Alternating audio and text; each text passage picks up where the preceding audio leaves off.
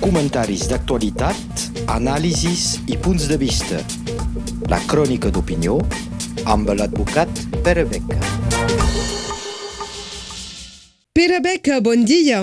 Bon dia. Avui ens interessem per eh, les relacions entre els estats francès i espanyol i volem saber si hi ha alguna novetat. Doncs eh, sembla que sí, que hi ha d'haver alguna novetat. De fet, eh, a Europa els equilibris estan canviant i sembla que el president de la República Francesa estigui buscant relacions més intenses amb els països del sud i concretament que hi hagi una nova parella, si puc dir d'aquesta manera, entre Emmanuel Macron i Pedro Sánchez. D'encontres d'alt nivell entre l'estat francès i l'estat espanyol n'hi ha hagut moltes, però concretament eh, sembla que el Palau de l'Eliseu ha anunciat eh, pel 19 de gener vinent, encara no se sap on, però pel 19 de gener una cimera entre Macron i Sánchez per, mm, són les pròpies paraules del comunicat, anar més lluny. Sembla un text de Lluís Llach, no? Anar més lluny amb Espanya. De fet, serà la 27a reunió, la 27a cimera, des d'uns acords que es van firmar el 9 de juliol del 85, eh, a través d'una visita del rei, en aquell moment Joan Carles, a, a París, es va decidir fer una trobada anual i se'n va fer una sèrie prou intensa. Eh, L'última va ser la 26a eh, concretament a Montauban, en el qual va venir Pedro Sánchez el 15 de març del 21, que segurament els catalans aquí recorden que després Sánchez va voler visitar Colliur i Argelers i que els catalans eh, no els hi va agradar gaire aquesta visita eh, concreta, relacionada amb la repressió que s'estava posant en plaça contra el referèndum. I doncs, eh, després de la reunió de Alacant, que va tenir lloc fa 8 o 10 dies, la reunió dels països mediterranis, sembla que es va decidir aquesta nova cimera pel 19 de gener. Això pareix reflectar la necessitat per la diplomacia europea francesa de reequilibrar l'Europa. Anglaterra està fora d'Europa, la relació França-Alemanya eh, s'ha eh, posat en relació més freda després que ha desaparegut, desaparegut la senyora Merkel i sobretot després de la guerra d'Ucraïna perquè Alemanya i França no tenen la mateixa relació política i econòmica amb Rússia i amb el tema de l'energia. I doncs que per equilibrar aquesta falta de relació cap a l'Europa del Nord, eh, sembla que Macron vulgui anar a buscar relacions a Europa del Sud. I com a Europa del Sud no, no hi ha grans països, excepte Itàlia, que en aquests moments és infracantable per les raons que ja tothom sap de la, de la presa de poder de l'extrema dreta, doncs l'última solució era de reactivar la relació amb l'estat espanyol, el que, segons sembla, volen fer, és a dir, aquest tema d'anar més lluny en la relació entre els dos països. I en aquesta cimera, doncs, entre Macron i Sánchez, de què es parlarà? Doncs, de moment sembla que no hi hagi un ordre del dia establert, però molt probablement es parlarà eh, del tema de la creació d'una eina de, de transmissió d'energia.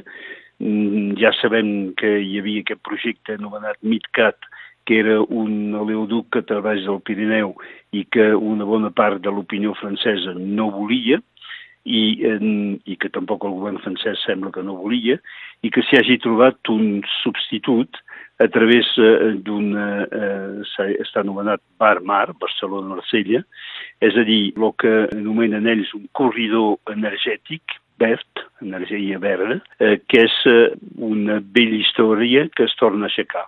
Recordo que fa 20 anys, eh, quan jo estava a la regió, ja hi havia el projecte, eh, però que era al revés, de portar aigua del Roine cap a Barcelona a través d'un pipeline a sota mar, activat per eh, energia eoliana. Aquí mm, sembla que sigui eh, la manera de transportar energia, i concretament hidrogenis, potser gas, eh, i potser tanmateix residus d'energia atòmica, el que s'anomena l'energia rosa, no sé per què rosa, però el fet és que hi hauria una relació directa, un, un tubo directe des de Barcelona fins a Marsella. El risc per nosaltres, i concretament per la regió occitània de la qual fem part uh, últimament, és que eh, quedéssim apartats d'aquesta eh, xarxa de comunicació energètica, llavors que s'està preparant concretament al port de la Novella, una central d'energia renovable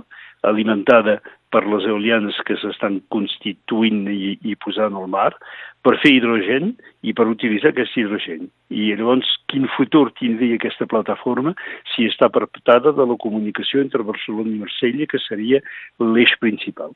Doncs crec que això ha de ser una de les, uh, un dels punts de discussió entre els dos estats.